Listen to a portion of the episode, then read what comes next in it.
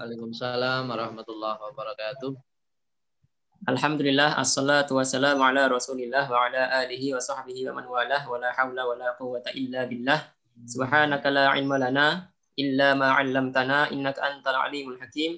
Rabbi syrah li sadri wa yassir li amri wa hlul 'uqdatam min lisani yafqahu qawli. Alhamdulillah pertama-tama dan yang paling utama kita patut panjatkan puji syukur kita kehadiran Allah Subhanahu wa taala karena atas berkat rahmatnya Allah sampai detik ini kita masih diberikan kenikmatan yang sangat luar biasa oleh Allah, utamanya nikmat iman dan Islam, kemudian nikmat umur dan kesehatan, dan banyak lagi nikmat-nikmat lain yang tidak bisa kita hitung. Tak lupa, eh, salawat teriring salam kita aturkan kepada junjungan kita dari besar Nabi Muhammad Wasallam beserta para keluarga beliau dan para sahabat beliau serta para pengikut-pengikut beliau hingga hingga akhir zaman. Semoga kita tergolong umat Rasulullah yang senantiasa mengamalkan sunnah-sunnah beliau dan mendapatkan syafaat darinya kelak. Amin ya alamin. Uh, Alhamdulillah malam ini kita dipertemukan kembali oleh Allah pada majelis daras uh, risalah untuk kaum muslimin karangan Syekh Muhammad Rakib Alatas. Uh, insya Allah kita malam ini akan melanjutkan peranggan sebelumnya. Saat ini kita sudah memasuki uh, bab sebab-sebab dalaman yaitu lebih menjurus kepada peranggan ke-56 tanpa perlu berlama-lama lagi, saya persilakan kepada Ustaz Khalili untuk menyampaikan. Assalamualaikum warahmatullahi wabarakatuh. Waalaikumsalam. Alhamdulillahi rabbil alamin wassalatu wassalamu ala asrafil anbiya wal mursalin sayyidina Muhammadin wa ala alihi wa sahbihi wa man tabi'ahum bi ihsanin ila yaumiddin. Allahumma ftah alaina hikmatak wa alaina min khazaini rahmatika ya arhamar rahimin. Amin ya rabbal alamin. Alhamdulillahi rabbil alamin. Puji syukur kehadirat Allah subhanahu wa ta'ala. Kita kembali masih lagi mendapatkan rahmat hidayah dan taufik dari Allah subhanahu wa ta'ala. Sehingga kita bisa hadir kembali dalam majelis kajian daras kita berisalah untuk kaum muslimin dengan sehat walafiat. Mudah-mudahan kita selalu mendapatkan taufik dan inayah dan, serta kesehatan dan eh, apa, keamanan. Salawat serta salam mudah-mudahan selalu terkirim kepada junjungan kita Nabi Muhammad Shallallahu Alaihi Wasallam yang telah memberikan pengajaran kepada kita yang telah memberikan eh, menerangkan berbagai macam ajaran-ajaran kebenaran melalui para guru-guru kita. Mudah-mudahan kita selalu bisa meneladani apa yang disunah sunahkan oleh Nabi Muhammad Shallallahu Alaihi Wasallam. Alhamdulillah malam hari ini kita kembali melanjutkan ya pembahasan tentang sebab-sebab dalaman atau krisis dalaman, krisis internal yang dialami oleh umat Islam di zaman kontemporer. Buku ini risalah untuk kaum muslimin ditulis oleh Profesor Muhammad Aqib Alatas. Pada bagian akhirnya itu membahas tentang sebab-sebab dalaman. Ya. Pada awal pembahasan buku ini, beliau memulai dengan sebab-sebab luaran atau sebab-sebab yang berasal dari luar. Ya, yang sudah panjang lebar kita kita bahas, kita baca buku ini ya. Kalau tidak salah ini sudah secara online ini sudah hampir setahun ya. Jadi daras yang cukup panjang sekali ya, sudah pertemuan yang ke berapa ini? Lebih dari 40 kalau nggak salah ya. Lebih dari dari sejak Maret ya.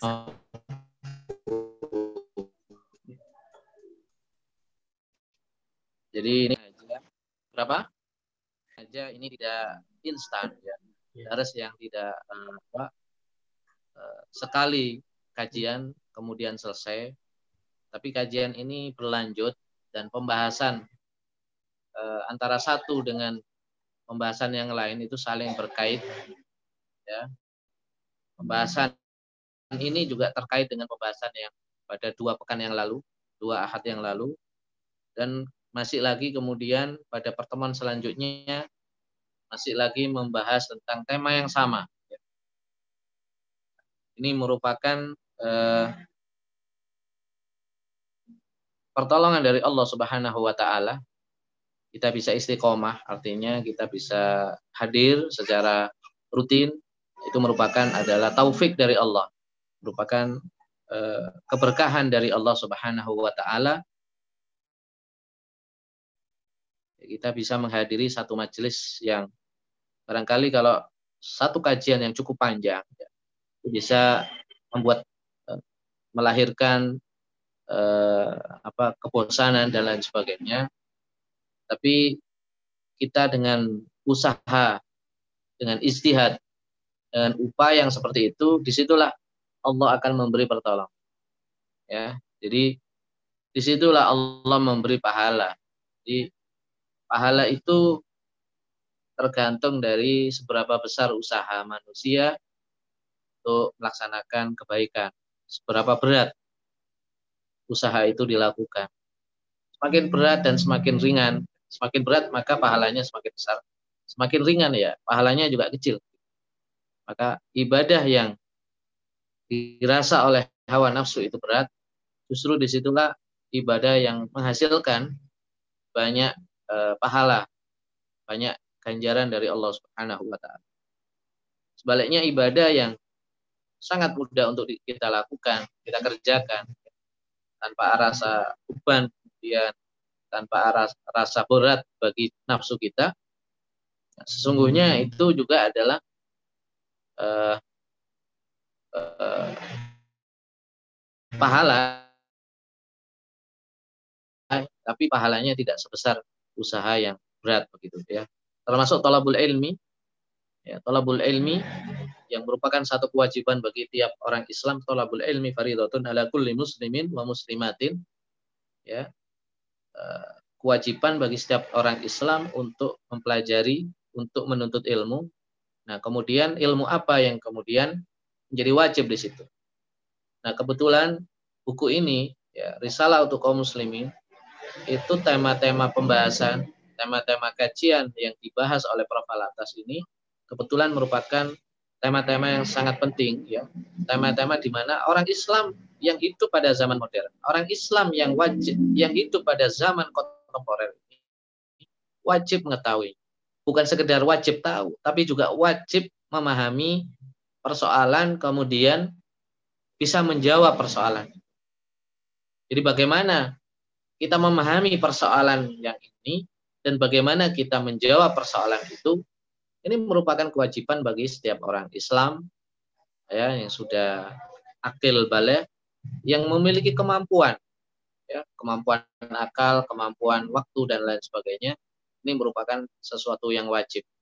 Nah, hal-hal yang wajib ini merupakan hal-hal yang bukan perkara yang eh, biasa-biasa. Eh, Hal yang wajib ini perkara yang besar. Maka pembahasan yang ditulis oleh Prof. Alatas dalam risalah kaum muslimin ini ini bukan perkara-perkara yang kecil, tapi sebuah perkara yang besar yang dibahas oleh beliau. Maka kita orang Islam eh, semakin kita membahas mampu membahas persoalan-persoalan besar, maka di situlah Allah Insya Allah akan membesarkan seseorang itu. Di mana kualitas atau derajat seorang itu juga di samping ketakwaannya di samping uh, pengamalan terhadap ilmunya, tapi juga bagaimana uh, tema atau ilmu yang dibahas itu yang uh, penting untuk kita ketahui dalam konteks daras risalah untuk kaum muslim. Baik, uh, pada perenggang uh, 56 ya, kita lanjutkan perenggang 56. Prof. Alatas masih lagi menjelaskan uh, persoalan ya persoalan adab ya, persoalan adab terhadap diri. Bagaimana adab terhadap diri? Adab terhadap diri itu akan menghasilkan eh, pengetahuan tentang diri. Pengetahuan tentang diri itu artinya tahu diri. Kata beliau, orang Islam itu harus mengenali dan mengetahui bahwa masyarakat pada hakikatnya tidak terjadi atau tidak terdiri dari eh, kedudukan-kedudukan atau derajat-derajat yang sama. Ini berulang kali beliau uh, tulis ya. Bahwasanya masyarakat umat Islam, masyarakat manusia secara umum bahkan ya, secara umumnya itu tingkat uh, derajatnya itu berbeda-beda antara satu dengan yang lainnya. Bahkan tidak hanya manusia, ya, tidak hanya manusia, realitas alam ini, apa yang ada di alam ini, baik itu hewan, tumbuh-tumbuhan, atau alam semesta ini, secara umumnya, itu memiliki kedudukan masing-masing. Dan itu sudah ditata oleh Allah Subhanahu wa taala. Itu sudah sudah ada tata aturannya, sudah posisinya sudah uh, sudah tepat Allah memposisikan masing-masing itu pada posisinya. Ya termasuklah juga malaikat. Malaikat ini juga tidak sama kedudukannya antara malaikat satu dengan malaikat yang lain. Ya. Di antaranya para ulama ada yang mengatakan bahwa malaikat yang paling tinggi derajatnya adalah uh, malaikat Jibril. Kemudian ada yang mengatakan bahwasanya Malaikat yang paling tinggi derajatnya adalah malaikat yang disebut sebagai al-muqarrabun. Malaikat yang dekat dekat dengan Allah Subhanahu wa taala. Ya. Itu juga punya peringkatnya, punya uh, apa landa apa punya kedudukan masing-masing antara malaikat satu dengan malaikat yang Nabi itu juga tidak sama ya, kedudukannya. Dan nabi yang paling tinggi kedudukannya paling mulia juga umat-umat di dunia ini dari zaman ke zaman juga tidak sama kedudukannya.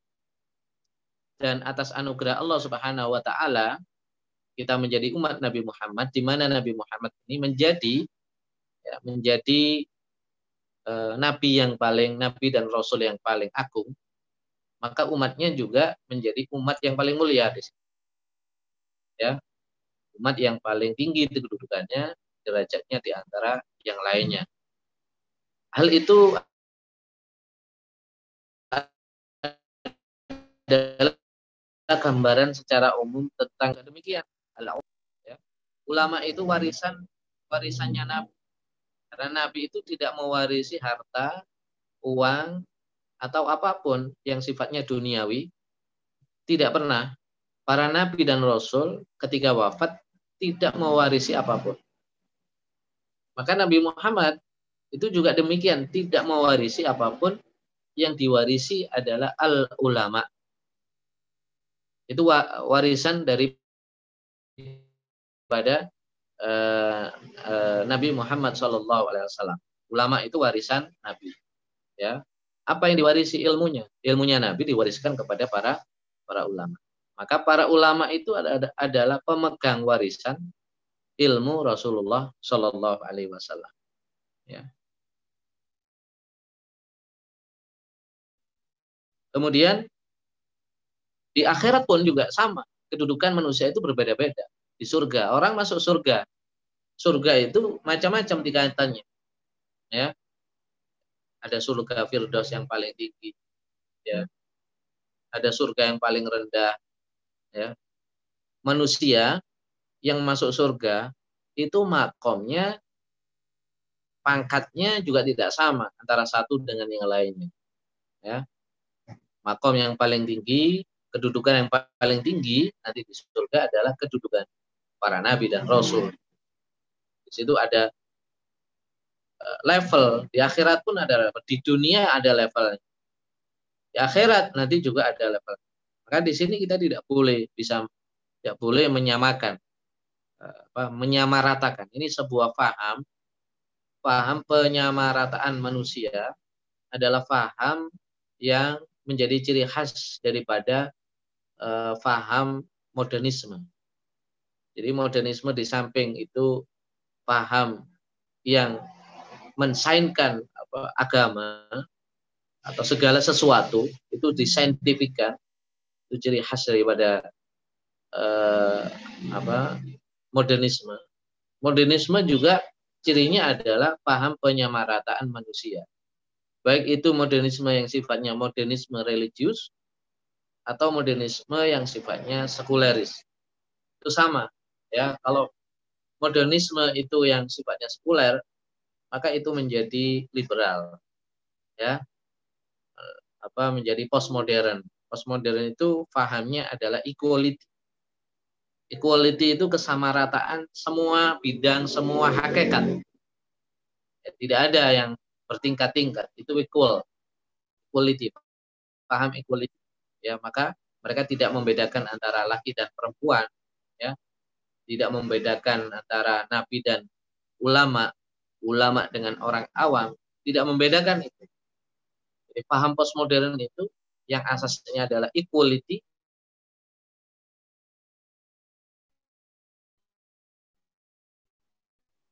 ya itu juga tidak bisa dibeda-beda. Semua manusia itu sama ya seperti itu. Bahkan orang biasa pun dengan nabi oleh dalam paham postmodern itu dianggap sama ya dianggap sama.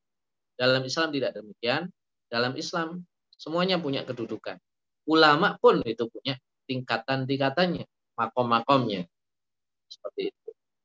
Jadi para nabi, ya, sahabat pun juga demikian. Maka Rasul Shallallahu Alaihi Wasallam pernah bersabda, ada sepuluh sahabat yang disebut dijamin masuk surga. Nah, sepuluh sahabat ini adalah sahabat-sahabat yang hebat, sahabat-sahabat yang terbaik. Maka mendapatkan jaminan masuk surga itu nil hisab, tanpa hisab. Jadi nanti di akhirat itu langsung masuk surga tanpa ada hisab bersama Rasul Shallallahu Alaihi Wasallam.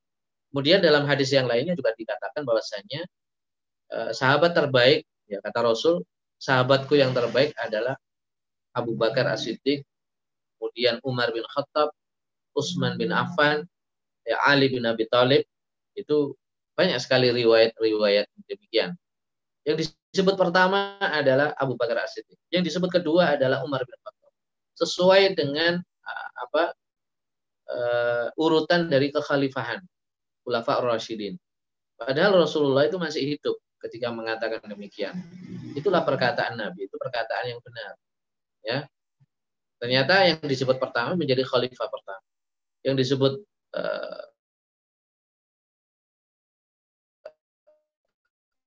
kedua menjadi khalifah sahabat ada ahli dalam fikih di mana sahabat-sahabat yang lainnya itu minta fatwa kepada uh, ahli fikih ini misalnya Ibnu Mas'ud, Abu Hurairah ya. Uh, kemudian yang ada yang ahli tafsir Ibnu Abbas ya. Itu punya kedudukannya. Ada sahabat yang ilmunya uh, tidak sama.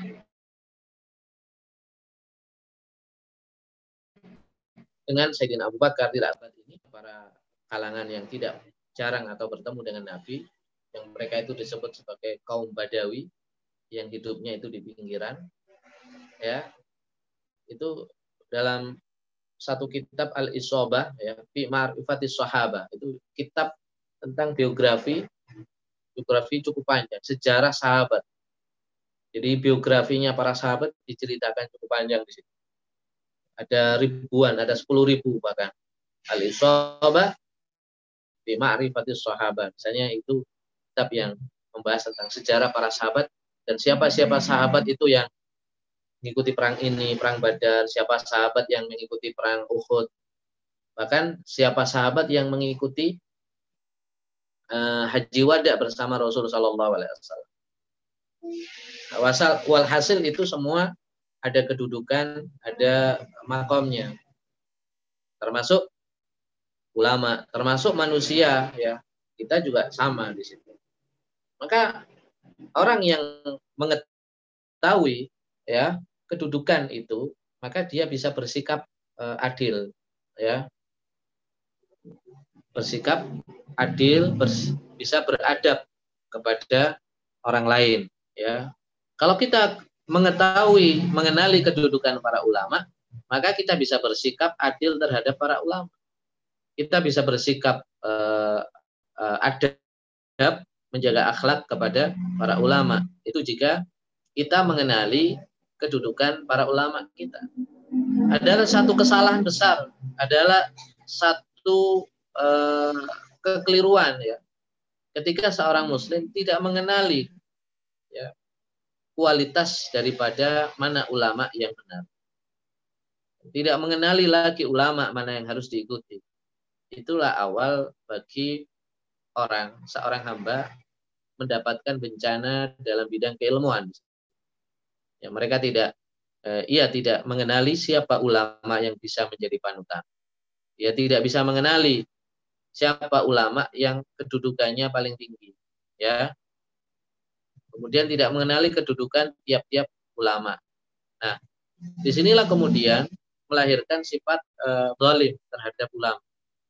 Tidak uh, tidak adab, tidak bisa menjaga adab kepada para ulama. Maka di situ Prof. Alatas mengatakan dalam perenggang 57 kekeliruan mengenali ilmu tentang Islam dan pandangan alam yang ditayangkan oleh Islam bila kita rujukkan pada diri orang perseorangan biasanya membawa ciri keangkuhan yang mengikrarkan hakikat diri hayawania. Ya. Jadi yang mendorong manusia untuk sifat angkuh itu ada potensinya dalam diri kita. Tiap manusia ada potensi. Nah, potensi itu namanya al-quwa al-hayawaniyah. Ya, potensi hewani. Hewani ini mendorong manusia untuk bersih, bersifat angkuh, bersifat sombong. Ya. Orang yang bersifat angkuh, bersifat sombong ini adalah menyamakan kedudukannya dengan orang-orang ahli ilmu yang tinggi kedudukannya. Ya, menyamakan dirinya, dirinya dengan Imam Al-Ghazali. Menyamakan dirinya dengan Imam Syafi'i. Menyamakan dirinya dengan uh, Imam Nawawi dan sebagainya. Nah, ini merupakan uh, kekeliruan yang uh, diakibatkan dari sifat yang angkuh, sifat yang sombong. Nah, seperti itu.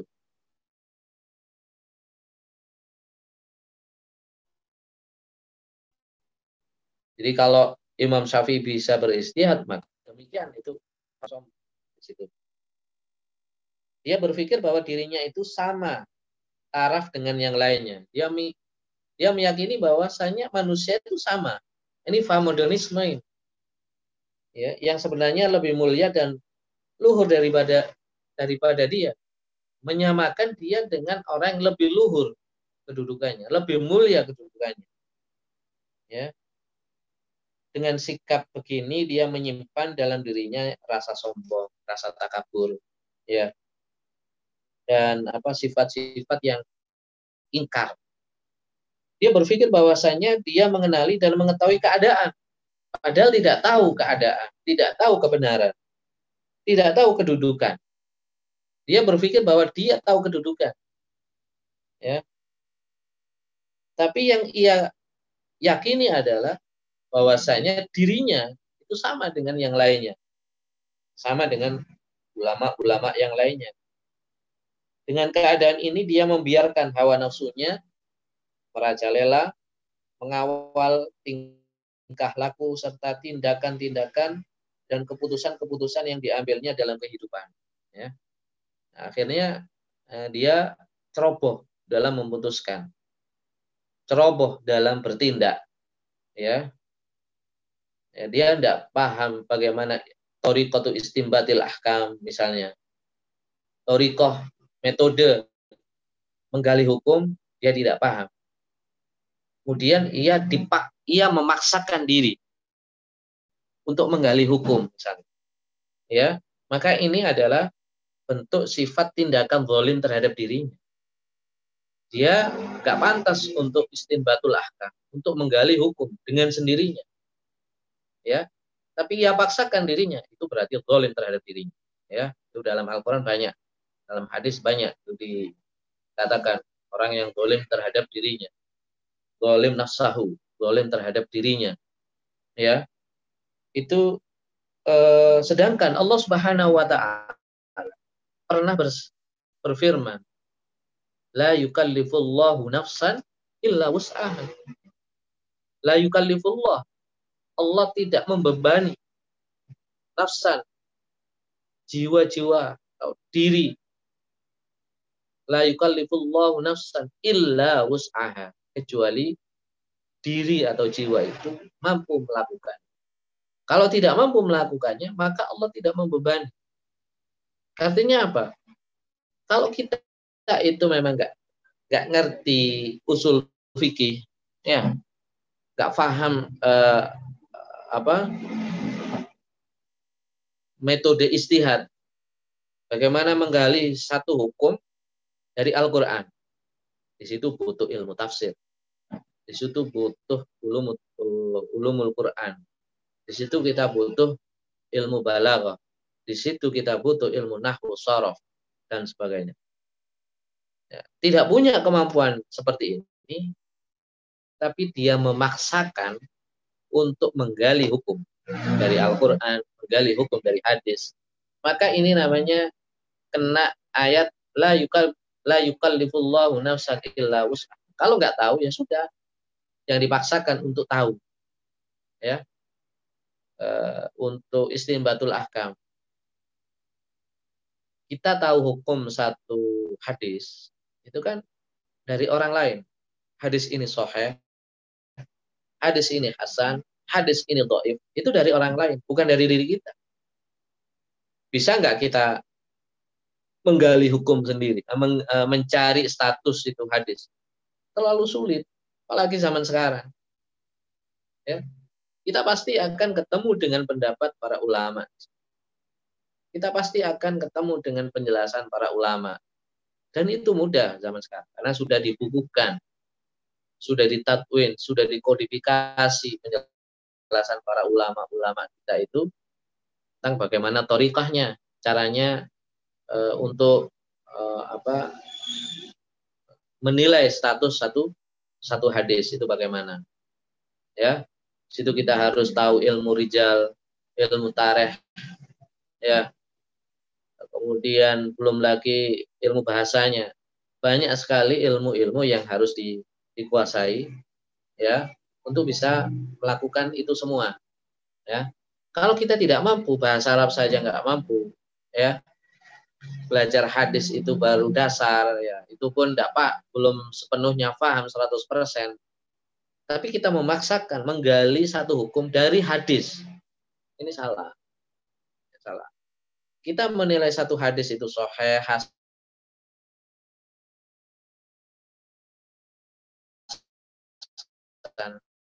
itu dari mana? Dari ulama. Itu saja kita mengikut artinya kita mengakui otoritas. Kalau satu hadis misalnya, innamal a'malu binniyat. Ya. Oh, itu hadis Imam Muslim.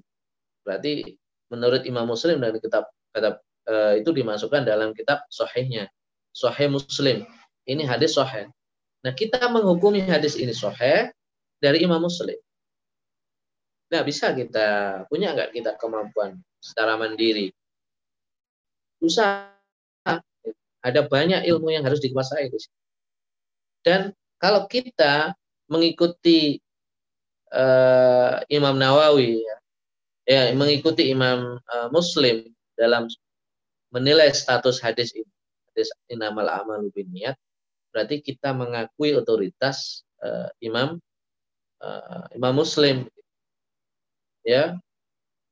Kita mengakui otoritas kemampuan imam bukhari ya berarti kita uh, percaya dengan metode imam bukhari ya ya seperti itu seperti kita sekolah lah kita pergi ke sekolah, kemudian ketemu dengan guru di kelas. Nah, guru menerangkan. Kita nggak pernah ini dari mana apa um, Bapak ini tahu tentang rumus matematika ini. Ya. Eh, menggugat ya misalnya. Dari mana ini? Kok bisa rumusnya seperti ini? Misalnya Artinya kita nggak bertanya hal demikian. Kita percaya bahwasanya guru kita punya otoritas dalam mengajar satu bidangnya. Karena dia pernah belajar, dia pernah kuliah, ya, dia punya pengalaman dalam mengajar. Itulah kita eh, apa? Kita percaya. Kalau kita itu protes dengan hasil fatwa para eh, para ulama, ya, Imam Syafi'i, Imam Nawawi misalnya, ya. Kita bisa bisa menggugat ya. Bahasanya barangkali bukan menggugat. Kita bisa mempertanyakan satu fatwa. Jika kita seorang mufti ya, kita mempertanyakan fatwa Imam Nawawi misalnya jika kita seorang mufti kemudian itu pun ada bahasa bahasa yang harus dijaga ya seperti itu boleh berbeda bisa berbeda bisa terjadi perbedaan fatwa seorang mufti zaman ini berbeda dengan Imam Nawawi. Tapi para ulama itu berbeda-beda istihad, ya, istimbatul ahkamnya, itu masih antara satu dengan yang lain. Itu masih hormat. Ya, masih hormat. Yang repot itu tidak menghormat. Gitu. Ya, kita eh, hari ini tidak bisa kita untuk lepas mandiri berdiri sendiri seperti yang disuruhkan oleh kaum modernis baca Al-Quran, memahami Al-Quran, berdiri sendiri. Ya, baca hadis, memahami isi hadis, berdiri sendiri tanpa guru, tanpa mengikut para ulama, tidak akan bisa kita seperti itu. Ya, nah, seperti kita kalau uh, kalau satu hadis itu dikatakan sohe oleh Imam Bukhari atau dikatakan sohe oleh Imam Muslim misalnya, kita kenapa langsung percaya itu? ya. Nah, maka di sini pentinglah eh, kawan-kawan untuk mempelajari ilmu musolahul hadis.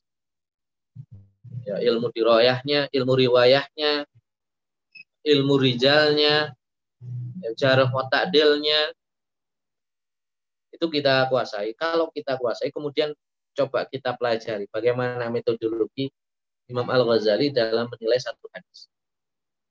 Orang yang mempelajari ini, kemudian uh, mempelajari orang yang mempelajari ilmu solo hadis dengan baik, dengan serius. Kemudian mencoba memahami bagaimana metode Imam Ghazali, eh, metode Imam Bukhari dalam menilai satu hadis, maka kita akan hormat, angkat tangan kepada Imam Bukhari. Karena begitu hebatnya, begitu luar biasanya metodologi Imam Al-Ghazali. Ya, akhirnya para ulama percaya, mempercayakan kepada Imam Bukhari. Ya. Imam Nawawi percaya kepada Imam Bukhari. Ya.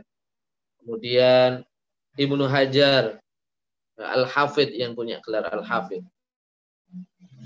Eh, itu mempercayakan kepada Imam Bukhari. Ya. Itu menunjukkan apakah mereka tidak mampu? Mereka mampu. Tapi kemampuannya itu jauh di atas uh, jauh di bawah Imam Bukhari sehingga mereka mengaku seperti itu. Ya, demikian juga ulama-ulama yang lain. Itu saling hormat ya dan e, mengetahui kedudukannya masing-masing. Maka di antara para ulama itu ada yang ahli hadis, ahli fikih, ahli tafsir, ahli tasawuf, ahli kalam dan sebagainya. Maka kalau kita menurut e, apa e, ada persoalan dalam ilmu tauhid, maka rujuk kita para ulama-ulama ahli kalam. Ya. Kalau ada persoalan dalam tafsir Al-Quran maka kita rujuk para mufasir terdahulu terdahulu ya. Mufasir yang kenamaan di situ. Ya. Artinya kita hari ini ya untuk uh, menilai secara mandiri satu hukum yang terkandung dalam Al-Quran satu hukum yang terkandung dalam hadis atau menilai satu derajat hadis kita pasti akan bersandar kepada orang lain. Minimal kalau dia tidak belajar, dia akan membaca referensi-referensi, beli buku misalnya. Ditulis oleh siapa? Ditulis bulan bin Berarti dia menyandarkan dirinya kepada bulan bin Ya. itu pun tidak bukan perkara yang benar seperti itu. Apalagi dalam ilmu hadis. Hadis itu ketat sekali dalam apa masalah sanat di ya. Maka kita uh, kata Prof Alatas di sini bahwasanya firman Allah la yukallifullahu nafsan illa wus'aha. Allah tidak membebani satu beban satu kewajiban uh, kepada hambanya di luar kemampuannya itu sudah menunjukkan kalau kita nggak mampu maka uh, kita serahkan kepada ahlinya ya maka di situ Eh, tunaikanlah amanah itu, bayarlah amanah itu kepada ahlinya, pada ahlinya. Kemudian orang yang kita maksudkan di atas itu terpacu oleh rasa takabur. Di orang yang ingin menyamakan dirinya dengan para ulama sama rata. Itu ada rasa takabur dan dibawa lari oleh hawa nafsu kecenderungannya kita uh, menggugat-gugat ya menggugat-gugat kaidah kawaid para ulama ya hati-hati di situ kita bisa jatuh pada takabur takabur pada ulama wah ini berat ya kita akan susah untuk menerima kebenaran dengan tiada lengah lagi menyalahgunakan dirinya untuk membebani dirinya supaya sanggup memikul amanah serta tanggung jawab yang ia tidak pantas untuk memikul amanah. Di sini hati-hati di sini. Kalau kita nggak pantas untuk memikul amanah, ya, maka tidak boleh untuk dipaksakan di situ. Ya, kita nggak punya untuk kemampuan untuk menafsirkan Al-Quran, kita paksakan diri untuk menafsirkan sendiri Al-Quran. Ini namanya dolim. Ini namanya eh, apa, keangkuhan, keangkuhan, menganggap dirinya itu mampu, sebagaimana, sebagaimana para ulama ahli tafsir yang lainnya. Ya. Eh, kemudian dengan lengah dia menyalahgunakan dirinya, membebani diri supaya sanggup memikul amanah. Baik pun amanah serta tanggung jawab politik atau masyarakat. Ya, atau kebudayaan atau agama atau akali ruhani. Jadi dalam berbagai aspek amanah itu. Ada amanah politik, ada amanah masyarakat, ada amanah pendidikan, ada amanah agama. Dan itu kita harus tunaikan sesuai dengan tempatnya masing-masing. Ya. Apabila orang-orang seperti ini eh, banyak di kalangan masyarakat, kita akibat kemasukan faham serta pandangan alam dan kehidupan yang lain dari Islam dan yang mengelirukan kebenaran, maka sesungguh maka setengah daripada termasuk mereka yang dianggapnya mewakili sifat sepertinya lambat laun tentu merebut tempat pimpinan menjadi pemimpin yang telah disebutkan tadi sebagai pemimpin palsu. Pada perenggang yang lalu dikatakan uh, oleh Prof. Alatas pemimpin palsu tim timbul dari tidak layak. Karena dia mempelajari satu ilmu, tapi salah ilmunya. Dia tidak mengenali kedudukannya. Ya. Dan masyarakat juga demikian. Zaman sekarang juga demikian. Ini sebetulnya Prof. Alatas menjelaskan fenomena, kejadian, fakta, apa yang terjadi di zaman modern. Khususnya para uh, di kalangan umat Islam. Ya, umat Islam kehilangan panutan, umat Islam kehilangan uh, uh, model, ya, ya karena mereka tidak mengenali lagi siapa yang harus dijadikan model. Tidak mengenali lagi siapa yang harus dijadikan panutan, ya. mereka tidak mengenal ulama, tidak mengenal ahli ilmu di situ, ya. Uh, itu bisa menyebabkan orang menjadi sombong, ya dan ini ya eh, pemimpin-pemimpin palsu ini pemimpin palsu dalam berbagai aspek ya ada pemimpin pendidikan, ada pemimpin masyarakat, ada pemimpin politik, ada pemimpin kebudayaan, masing-masing ada eh, bidangnya masing-masing. Artinya itu yang mempunyai otoritas. Kalau ini keadaan itu banyak, artinya terjadi munculnya pemimpin-pemimpin palsu yang banyak, maka sesungguhnya itu sudah terjadi satu tragedi di kalangan umat Islam. Ya, disebut krisis dalaman itu yang disebut oleh Prof. Alan sebagai sebuah dilema. Sebuah dilema besar bagi umat Islam di zaman kontemporer, di mana banyak sekali orang-orang yang tidak layak menjadi pemimpin diangkat menjadi pemimpin. Ya, yang nggak pantas jadi pemimpin diangkat jadi pemimpin, baik itu pemimpin masyarakat, pemimpin pendidikan, pemimpin agama atau yang lainnya. Ya kadang-kadang orang itu eh, karena berbagai macam pikiran yang syubhat ya, orang itu eh, banyak eh, yang tertipu ya, tertipu. Tertipu dia menjadikan seorang itu menjadi pimpinannya padahal tidak punya kemampuan untuk memimpin tidak punya kemampuan kapasitas dalam memimpin. Yang namanya itu pemimpin palsu. Nah, sedangkan pemimpin-pemimpin baik itu makin tidak dikenali oleh orang.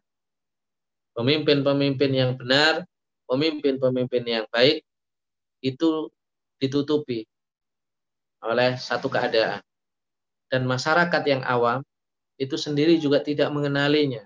Sehingga tidak mengangkat orang yang layak menjadi pemimpin dalam bidang pendidikan, dalam bidang agama, dalam bidang syariat atau di masyarakat dibiarkan mereka tidak kenal. Ya, sehingga orang-orang yang seharusnya menjadi pemimpin menjadi orang biasa.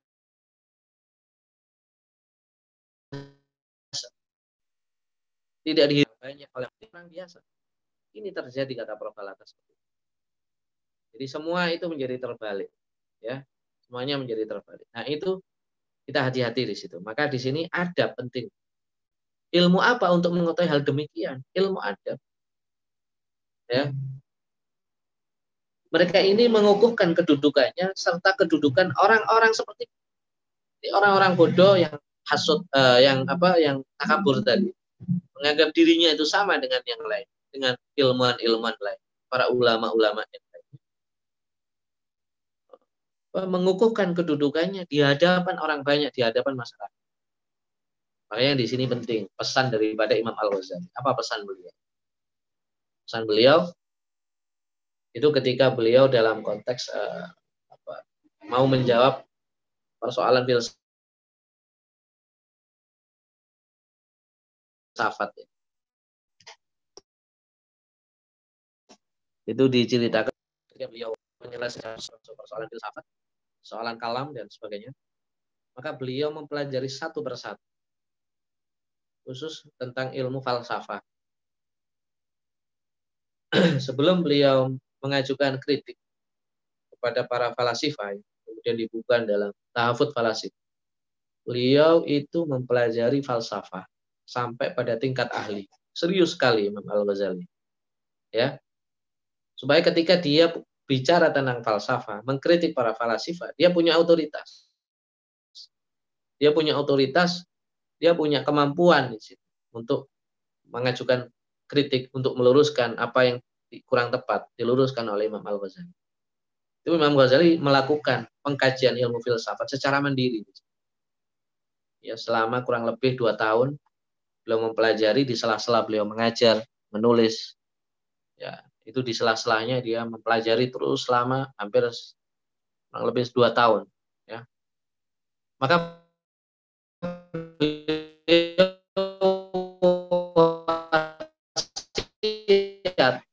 menasehat yang mau mengkritik Iran satu akidah maka pelajarilah pemikiran itu kuasailah pemikiran itu sampai kamu pada tingkat ahli.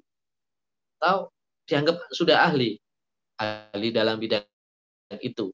Maka di situlah silakan Anda kata Imam Al Ghazali mengajukan satu komentar. Mengajukan satu respon terhadap sebuah pemikiran.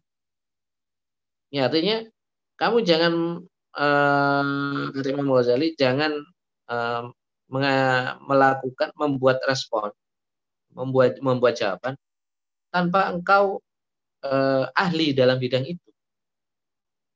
Nah, akan terjadi banyak banyak kekeliruan-kekeliruan. Sedangkan orang-orang yang ini ya di antara orang-orang modernis itu ya itu merasa bahwasanya dia sama ya, dengan para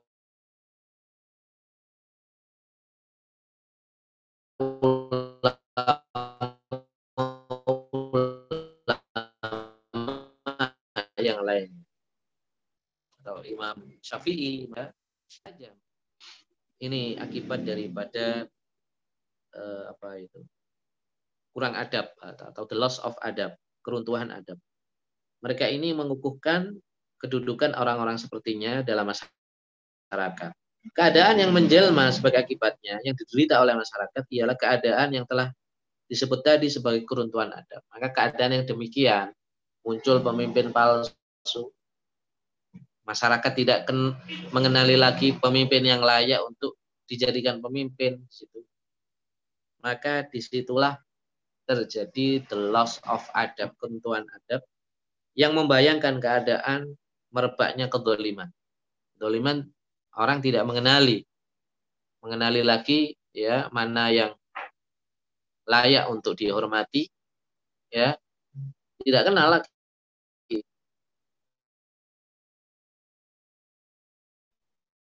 dan kekalnya kerusakan ilmu pengetahuan.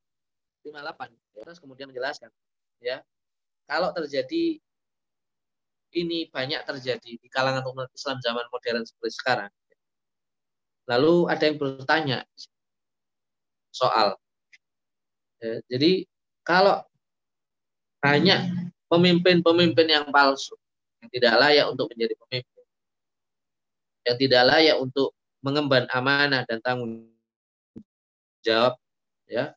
Lalu bagaimana kita tahu tempat yang benar untuk meletakkan masing-masing menurut kelayakannya? Nah bagaimana ini? Ya kan?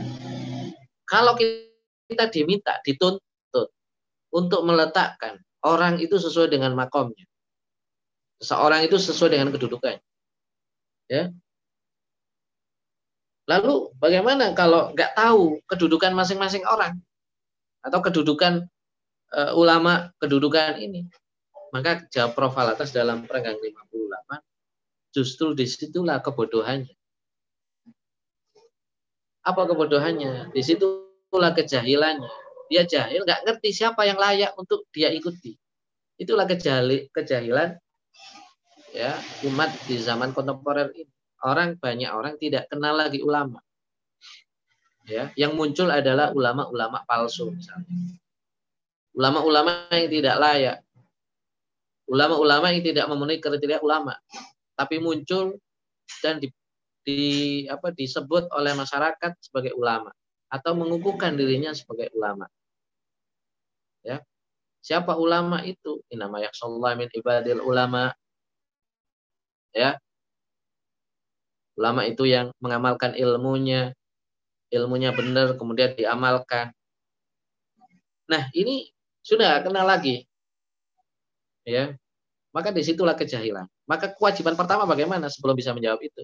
Maka kenalilah dulu siapa ulama yang kau yakini itu benar. Siapa yang benar itu. Ya.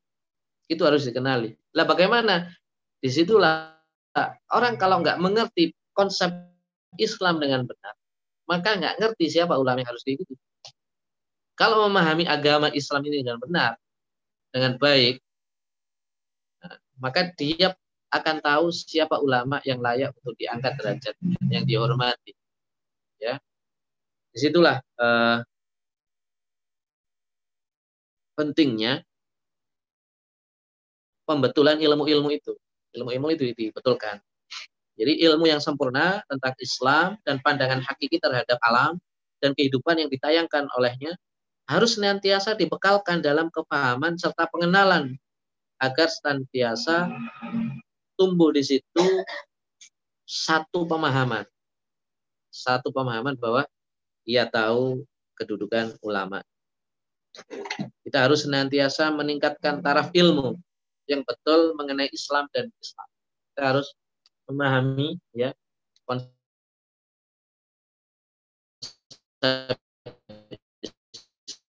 Islam dengan baik.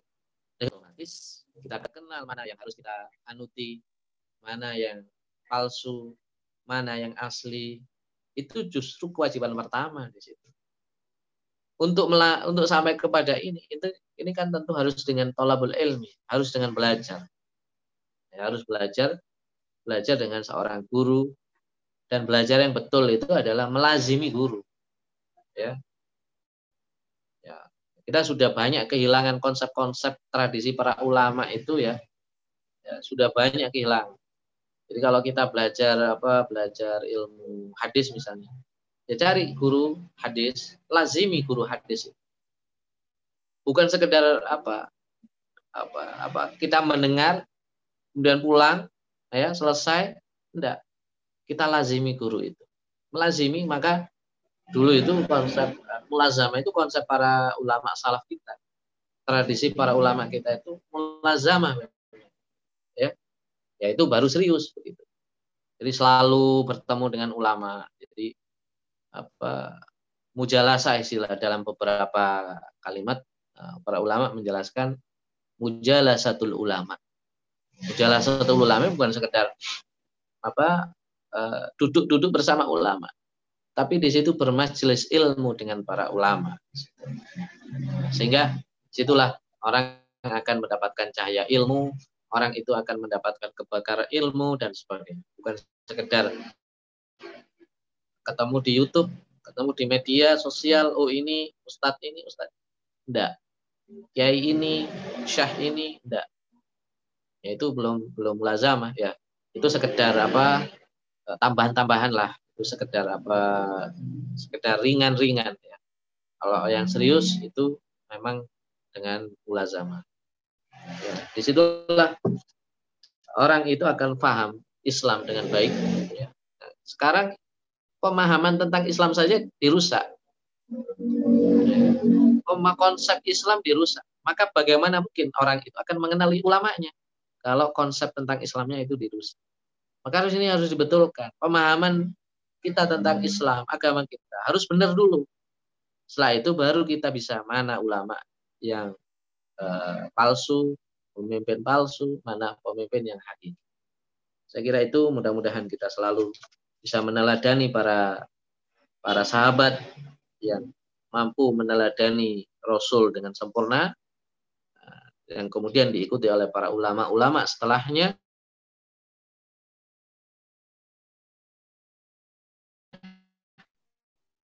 Sehingga kita bisa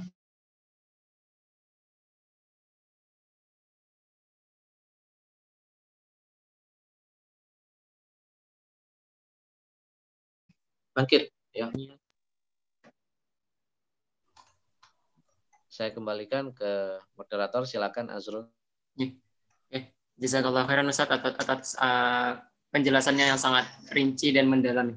Oke, Eh, kita buka sesi tanya jawab bagi teman-teman yang barangkali ingin menanyakan apa yang sudah menjadi perbincangan kita pada malam hari ini. Monggo bisa di raise hand terlebih dahulu. Kemudian saya saya persilakan untuk langsung menyampaikan pertanyaannya. Kemudian kalau misalkan uh, kurang memungkinkan untuk menyampaikan pertanyaan secara langsung bisa lewat fitur chat di Zoom. Ya. Ini saat ada satu penanya yang ingin bertanya uh, tafadholi kepada Mbak Li sana. Di unmute dulu kemudian disampaikan pertanyaan secara langsung. Ya, silakan.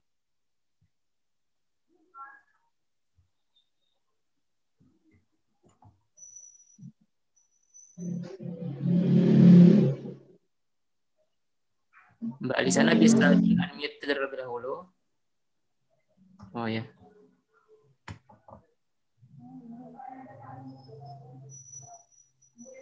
Hostnya bisa unmute ya hostnya.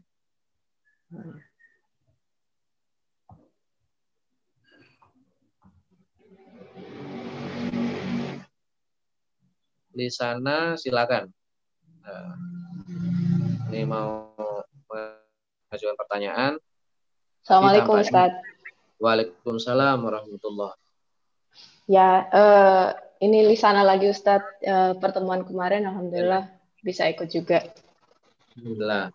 bagaimana bila kondisinya itu orang yang kita yakini dia beliau itu mampu berilmu, tapi beliau itu menolak untuk menjadi menolak atau enggan yeah. untuk menjadi pemimpin karena mungkin uh, sistem yang akan dipimpin itu uh, kondisinya atau lingkungannya kurang baik gitu atau berpotensi mencelakakan gitu. Itu kalau kalau dalam kondisi begitu itu seharusnya uh, apa yang seharusnya dilakukan oleh baik oleh pemimpin lain ataupun maupun oleh umat gitu. Ya, kira-kira begitu. Ya. Terima kasih. Assalamualaikum. Ya, uh, uh, apa yang ditanyakan oleh Mbak Lisana tadi itu uh, dalam konteks pemimpin politik ya. Uh, tapi pemimpin itu banyak ragamnya, banyak konteksnya, banyak bidangnya. Apa yang telah dijelaskan oleh Prof. Alatas itu uh, pemimpin dalam semua bidang. Jadi bidang politik juga, bidang masyarakat, bidang pendidikan, bidang budaya dan sebagainya. Nah, dalam bidang politik ya seperti itu ya. Nah, ditanyakan oleh Mbak Lisana dalam bidang politik. Nah, eh, sebagaimana juga dalam bidang-bidang yang lain. Ketika ada satu kondisi keadaan ya, keadaan ya, katakanlah saya awali dengan apa kepemimpinan dalam bidang ilmu ilmu syariah. Saya mulai dari situ nanti eh, apa supaya alurnya itu coba lebih mudah dipahami ya kaidahnya. Jadi seumpama ini ada satu keadaan, satu kondisi masyarakat di mana masyarakat itu banyak tersebar uh, bid'ah, banyak tersebar kerusakan pemikiran, penyimpangan-penyimpangan akaid. Ya.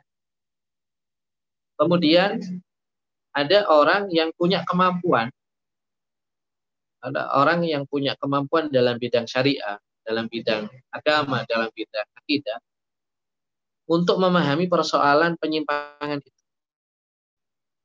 Untuk menjawab kekeliruan-kekeliruan pemikiran yang tersebar dalam masyarakat itu dalam bentuk bid'ah yang macam-macam, bid'ah aqaid. Nah, di orang yang punya kemampuan untuk menangkis, untuk menjawab, untuk merespon, untuk memberi jawaban, ini adalah orang yang harus kita angkat menjadi pemimpin. Kalau seumpama masyarakat ini karena begitu awamnya, begitu terkaburnya atau begitu tebalnya uh, syubhat sehingga tidak kenal lagi siapa yang harus bisa menjawab persoalan ini. Maka orang yang sadar, ya orang yang tadi yang punya kemampuan ilmu syariah, kemampuan untuk menjawab akaid subat-subat akaid ini, maka dia harus mengangkat dirinya sebagai pemimpin dalam bidang itu.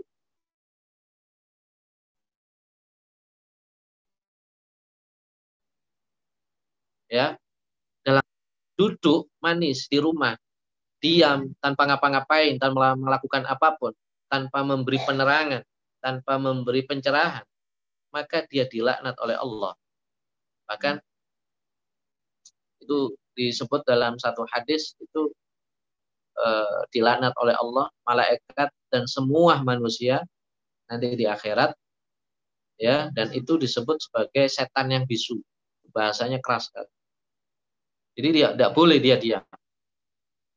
Kalau tidak eh, ada orang bergerak, maka dia harus menggerakkan dirinya. Ya bukan untuk apa? Untuk mengangkat diri, tapi eh, apa ya? Itulah yang dilakukan para ulama-ulama kita. Ketika dalam lingkungan situasi seperti itu, ya, seperti Imam Ghazali, ketika falsafah ini begitu mempengaruhi para ilmuwan, para cendekiawan muslim dan para ulama-ulama yang lainnya belum banyak yang menjawab persoalan tidak mampu. Maka Imam Al-Ghazali mengangkat dirinya dengan menulis kitab, menulis, menjawab, memberi penerangan dalam kuliah-kuliahnya, mengoreksi dalam ini dan sebagainya. Ini, ini eh, kepemimpinan dalam bidang ilmu, khususnya ilmu syariah. Nah, dalam bidang politik yang seperti tadi, kalau terjadi satu kerusakan, menurut ilmu kita ada satu kekeliruan di masyarakat, yang mana ini ada harus diluruskan. Dan dirinya itu punya kemampuan dalam memimpin masyarakat. Ya. Punya kemampuan dalam memimpin politik maka dia harus maju di situ. Kalau dia diam, maka dia berdosa. Kalau masyarakat menginginkan dia untuk apa? Untuk apa istilahnya? Untuk diangkat menjadi pemimpin dan dia layak untuk memimpin ya. Dan orang-orang yang berilmu lah. Gitu. Yang mengangkat ini harus orang-orang berilmu. Yang menilai ini harus orang-orang berilmu. Siapa yang baik, siapa yang tepat itu orang-orang berilmu. Bukan orang awam bukan orang umum. Orang misalnya dari kalangan orang-orang ber, berilmu, dia diminta untuk menjadi seorang pemimpin tapi menolak dengan alasan macam-macam, maka dia bisa berdosa. Dia bisa jatuh pada dosa, artinya dia membiarkan persoalan mampu atau tidak. Itu kan persoalan hal.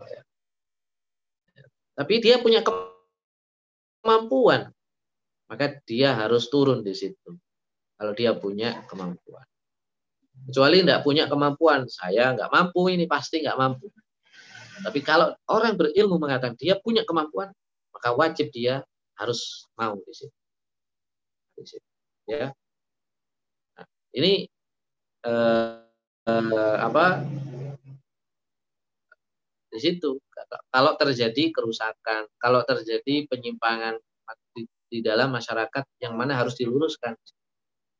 Kalau tidak terjadi apa-apa, maka yang eh, dia nggak berdosa bahkan justru yang baik itu adalah tidak menampakkan ya, tidak menampakkan kan para ulama dulu kan ada yang ini kan dulu kan dulu ada orang tidak mau diangkat menjadi kodi menjadi hakim itu karena apa eh, apa merasa tidak mampu para ulama begitu hebatnya tanda merasa tidak mampu ilmunya untuk mengatasi ini tidak punya kekuatan Imam Ahmad bin Hambal diminta menjadi hakim. Merasa tidak mampu untuk memiliki kekuatan. Dan menilai bahwasanya ada orang lain yang mampu. Imam Ahmad bin Hambal lebih konsentrasi sebagai seorang guru, seorang syekh, seorang mufti yang tidak terikat oleh negara. Kalau hakim kan terikat oleh negara, dibayar oleh negara. Ya. Nah, seperti itu. Jadi lihat halnya, lihat kondisinya itu bagaimana. Kemudian pertimbangan yang di, harus dijadikan pertimbangan itu bukan orang umum, bukan orang seluruhan masyarakat secara umum, tapi orang berilmu yang diminta menjadi pertimbangan. Layaklah, layakkah dia menjadi uh, apa? Menjadi pemimpin. Kalau orang-orang pemimpin politik belum tentu dia berilmu. Kalau dia diminta itu belum tentu dia. Ya, maka Para ulama kita ada yang menolak jadi hakim itu. Yang meminta siapa? Raja. Raja belum tentu mengetahui, memahami ilmu. Nggak, bukan dari kalangan orang berilmu. Ya, seperti itu. Allah alam. Nah, baik Ustaz, ini ada dua pertanyaan lagi. Jadi, apakah uh, disampaikan satu persatu atau langsung dijadikan satu sekaligus? Gimana Ustaz? Ya, boleh Ustaz. Uh, sekaligus saja biar cepat ya.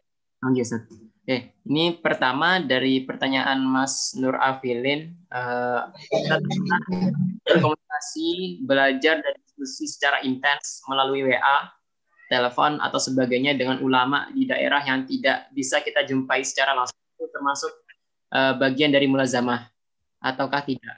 Kemudian yang terakhir, uh, dari saudara Dian dari Tangerang, Ustaz. Ingin bertanya bagaimana kita harus menanggapi beberapa tokoh yang mengaku pakar Tibun Nabawi. Sebab bagaimana? Bagaimana kita harus menanggapi beberapa tokoh yang mengaku pakar Tibun Nabawi. Sebab apa yang mereka sampaikan itu sering bertentangan dengan mereka yang benar-benar mendalami ilmu, ilmu medis. Apalagi kalau dalam situasi pandemi sekarang, siapakah yang lebih harus didengarkan sebab terlalu banyak informasi menyebar lewat medsos tanpa ada verifikasi kebenarannya. Wah. Yang kedua ini pertanyaan sulit ini. yang pertama, kalau melalui media YouTube, media sosial, ya itu belum mulazama. Ya, mulazama itu bisa membetulkan secara langsung. Ketika ada kekeliruan dalam perilaku, mulazama itu ya hidup sehari-hari ketemu. Ya, para ulama itu beberapa orang zaman sekarang juga ada seperti itu. Dengan cara apa? Dengan cara ya apa bertemu secara berkala. Ya selama satu bulan mulazama selama dua bulan mulazama selama ini. Ya setiap hari berjumpa mempelajari dan untuk diingatkan. Istilahnya begini loh dalam eh, kayak di dalam tasawuf itu ada tarekat ya ada tarekat itu ada murid peserta pengikut tarekat ada mursyid yang di situ terikat betul. Ya, di situ apa eh, apa kalau ada murid yang melenceng langsung diingatkan langsung dibetulkan langsung diinikan ya. Kalau lewat eh, media ya itu merupakan tambahan-tambahan saja tambahan-tambahan itu belum disebut sebagai mulazama ya apa belum disebut sebagai konsep belajar yang mulazim, melazimi para para ulama seperti itu. Ya, ya. sehingga afdoliyahnya keutamaan itu tentu saja berkurang. Tetap ada ada ada tambahan ilmu, ada tambahan ya mungkin tambahan rahmat dari Allah, tambahan berkah, tapi tidak sebagaimana ketika melazimi guru itu. Ya. Maka tidak sama ketika misalnya belajar dengan profil atas lewat uh, YouTube misalnya. Intens setiap hari. Beda ketika langsung di kampusnya beliau datang kuliah di sana di kampusnya beliau. Beda lagi. Ya kan seperti itu. Itulah lazimnya. Kemudian yang kedua, uh, perbedaan antara tibun nabawi dengan pengobatan tibun nabawi dengan pengobatan medis ya. Nah, di sini saya bukan ahli pengobatan medis, juga bukan ahli dalam pengobatan tibun nabawi, tapi setahu saya memang kadang-kadang ditemui ya itu yang secara berlebihan ya. Orang belajar tibun nabawi berlebihan ya. Baiklah kita menggunakan pengobatan-pengobatan ala Rasul. Itu baik ya, ya. tapi yang berlebihan itu yang tidak baik. Bagaimana berlebihan? Itu memutlakkan segala-galanya sehingga menafikan yang medis. Itu tidak boleh tidak bisa. Yang bagus itu adalah sebetulnya tibun nabawi pengobatan nabawi itu kan pengobatan medis juga tapi di zaman itu ya kan di zaman itu itu medis nah, di zaman sekarang ya ada ilmunya, ilmu kedokteran di situ. Ya, ilmu kedokteran itu ya ada ilmu, ada kaedahnya di situ ada uh, teori ya dan lain sebagainya. Alangkah lebih baiknya itu di, disatukan lah, bagaimana dipertemukan, dikompromikan, bagaimana medis dengan uh, uh, nabawi, tipe nabawi seperti itu, ya. Karena saya yakin juga yang uh, apa tenaga-tenaga medis yang bergerak dalam mempelajari ilmu tentang kedokteran, terutama dari orang-orang Muslim yang baik, saya yakin mereka ya orang-orang yang jujur, ya orang-orang yang e, memang begitu ad, apa adanya mempelajari ilmu yang sifatnya itu kan ilmu praktis ya ilmu yang berdasarkan praktek, pengalaman, kemudian penelitian, tajribah, tajribah istilahnya begitu. Ilmu pengobatan seperti itu. Ya, eh, Imam Syafi'i itu pernah mengobati seorang yang luka. Kemudian dia membuka bukunya Aristoteles. Ada satu kisah seperti itu. Karena Aristoteles juga punya kemampuan dalam pengobatan juga. Ya. Dipelajari bukunya Aristoteles itu. Kemudian diobati orang yang luka itu dan sembuh. Ya, zaman zaman itu kan apa pemikiran kedokteran Aristoteles, eh, kedokteran Yunani itu kan eh, apa ya? Zaman sekarang seperti Barat lah. Tidak semua dari Barat itu yang uh, kita tolak. Yang kita tolak itu pandangan hidupnya, yang kita tolak itu falsafah. Ya, dari segi praktek uh, tajribah, ya, kalau apa ya, mungkin yang orang yang ahli dalam bidang kedokteran itu yang lebih paham lah begitu ya. Jadi bagi saya ya saya pribadi ini sikap tengah-tengah seperti itu. Tidak tidak bisa menafikan, tidak berlebihan seperti itu. Ya, kadang-kadang yang berlebihan sampai menafikan eh, pengobatan medis itu juga tidak betul bagi saya. Demikian juga yang medis sampai anti terhadap pengobatan nabawi. Bagaimanapun itu adalah pengalaman nabawi yang sifatnya pengalaman Nabi, pengalaman orang-orang terdahulu dalam pengobatan dan itu ada dosis dan ada eh, apa takarannya di situ pasti. Yang bagus itu adalah pengobatan itu diteliti ya, pengobatan herbal diteliti secara medis. Sekarang kan ada ilmunya di situ. Beberapa kampus sudah ada ilmunya. Pengobatan herbal diteliti secara medis, secara ilmiah, saintifik. Maka kita kembalikan kepada kaidah-kaidah saintifik. Gitu. Ya. Wallah a'lam. Uh, ini ternyata ada satu pertanyaan yang masuk lagi. Gimana, Ustaz? Uh, satu saja barangkali. Iya, Ustaz. Uh, satu lagi. Ini dari pertanyaan ini uh, terkait sistem demokrasi di Indonesia apakah termasuk uh, kerusakannya lebih besar daripada manfaatnya sebab uh, menyamaratakan uh, suara ulama atau ahli ilmu dengan uh, suara yang bukan ahli ilmu. Bagaimana? Bagaimana? Tadi suaranya terputus tadi.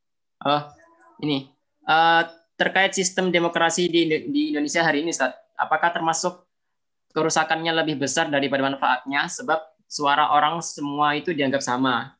Jadi suara antara ahli ilmu atau suara ulama dengan suara orang uh, bukan ahli ilmu itu disamakan dengan suara ulama gitu Sir. Itu gimana Sir? Oh gitu ya. Ini nampaknya Muhammad Syafi dari Pandaan. Alam Mustalah.